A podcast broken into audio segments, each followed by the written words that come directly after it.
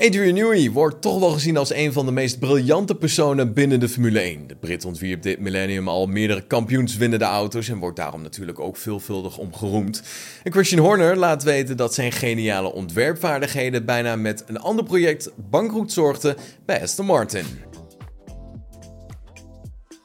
De Brit heeft de afgelopen jaren echter wel een stapje terug gedaan uit de koningsklasse om zich bijvoorbeeld te richten op het Aston Martin Valkyrie project. Een personenauto waar slechts 150 stuks van geproduceerd zijn. Het project was een samenwerking tussen Aston Martin en Red Bull waar Newey dus een belangrijke rol in speelde. Het was een hele andere ervaring, samenwerken met een original equipment manufacturer. Bij een kleine OEM als Aston Martin is het kostenplaatje natuurlijk ontzettend belangrijk. Ja, natuurlijk hebben we met Adrian Newey te maken die waarschijnlijk niet eens weet waar onze financiële afdeling zit. Hij heeft een ongelofelijke auto weten te bouwen die bijna zorgde voor het faillissement van Aston Martin. Maar goed, het is een absolute parel van een auto en daar hebben we een hoop lessen door weten te leren. We hebben veel regels in de Formule 1, maar dat is totaal anders dan de regelgeving voor auto's die op de weg rijden. Het was dus een enorm leerproces, zo vertelt Horner in gesprek met de Financial Times.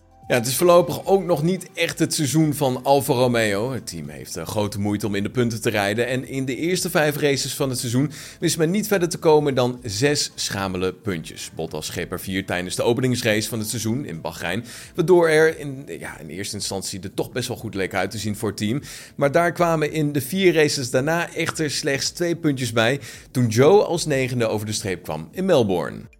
Tijd voor verbetering dus. Alfa Romeo neemt richting de Grand Prix van de Imola upgrades voor de wagen mee. En Joe denkt dat dat het team een stuk verder naar voren kan brengen. Eindelijk komen de upgrades aan. Het nieuwe pakket gaat relatief goed zijn. Ik denk dat er een paar tienden in zitten. Als team hebben we dat echt nodig. Vooral qua race pace hebben we het ontzettend zwaar. Zo claimt Joe tegenover racefans. Ja, er zijn extreme weersomstandigheden rondom Emilia-Romagna. Eh, eerder deze maand viel er binnen een korte periode een hoeveelheid regen die normaal per maand daar valt.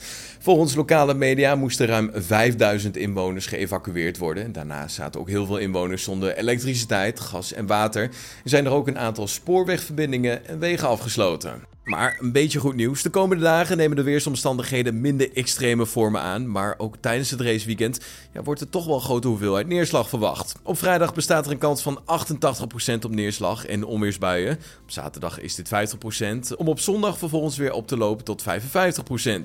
De kans is hierdoor aanwezig dat het experiment met de Formule 1, waardoor de coureurs geen vrije bandenkeuze hebben in de kwalificatie, ja, in het water valt of overboord gaat. Nou goed, alle clichés kan je invullen. Het raceweekend wordt in ieder geval vrijdag 19 mei om half twee afgetapt met de eerste vrije training. Om 5 uur is het vervolgens tijd voor de tweede oefensessie. De zaterdag is het tijd om half 1 voor de derde en laatste vrije training. Waarna om 4 uur tijd is voor de kwalificatie. De Grand Prix, de race van Emilia-Romagna, wordt zondag 21 mei verreden en gaat om 3 uur middags van start.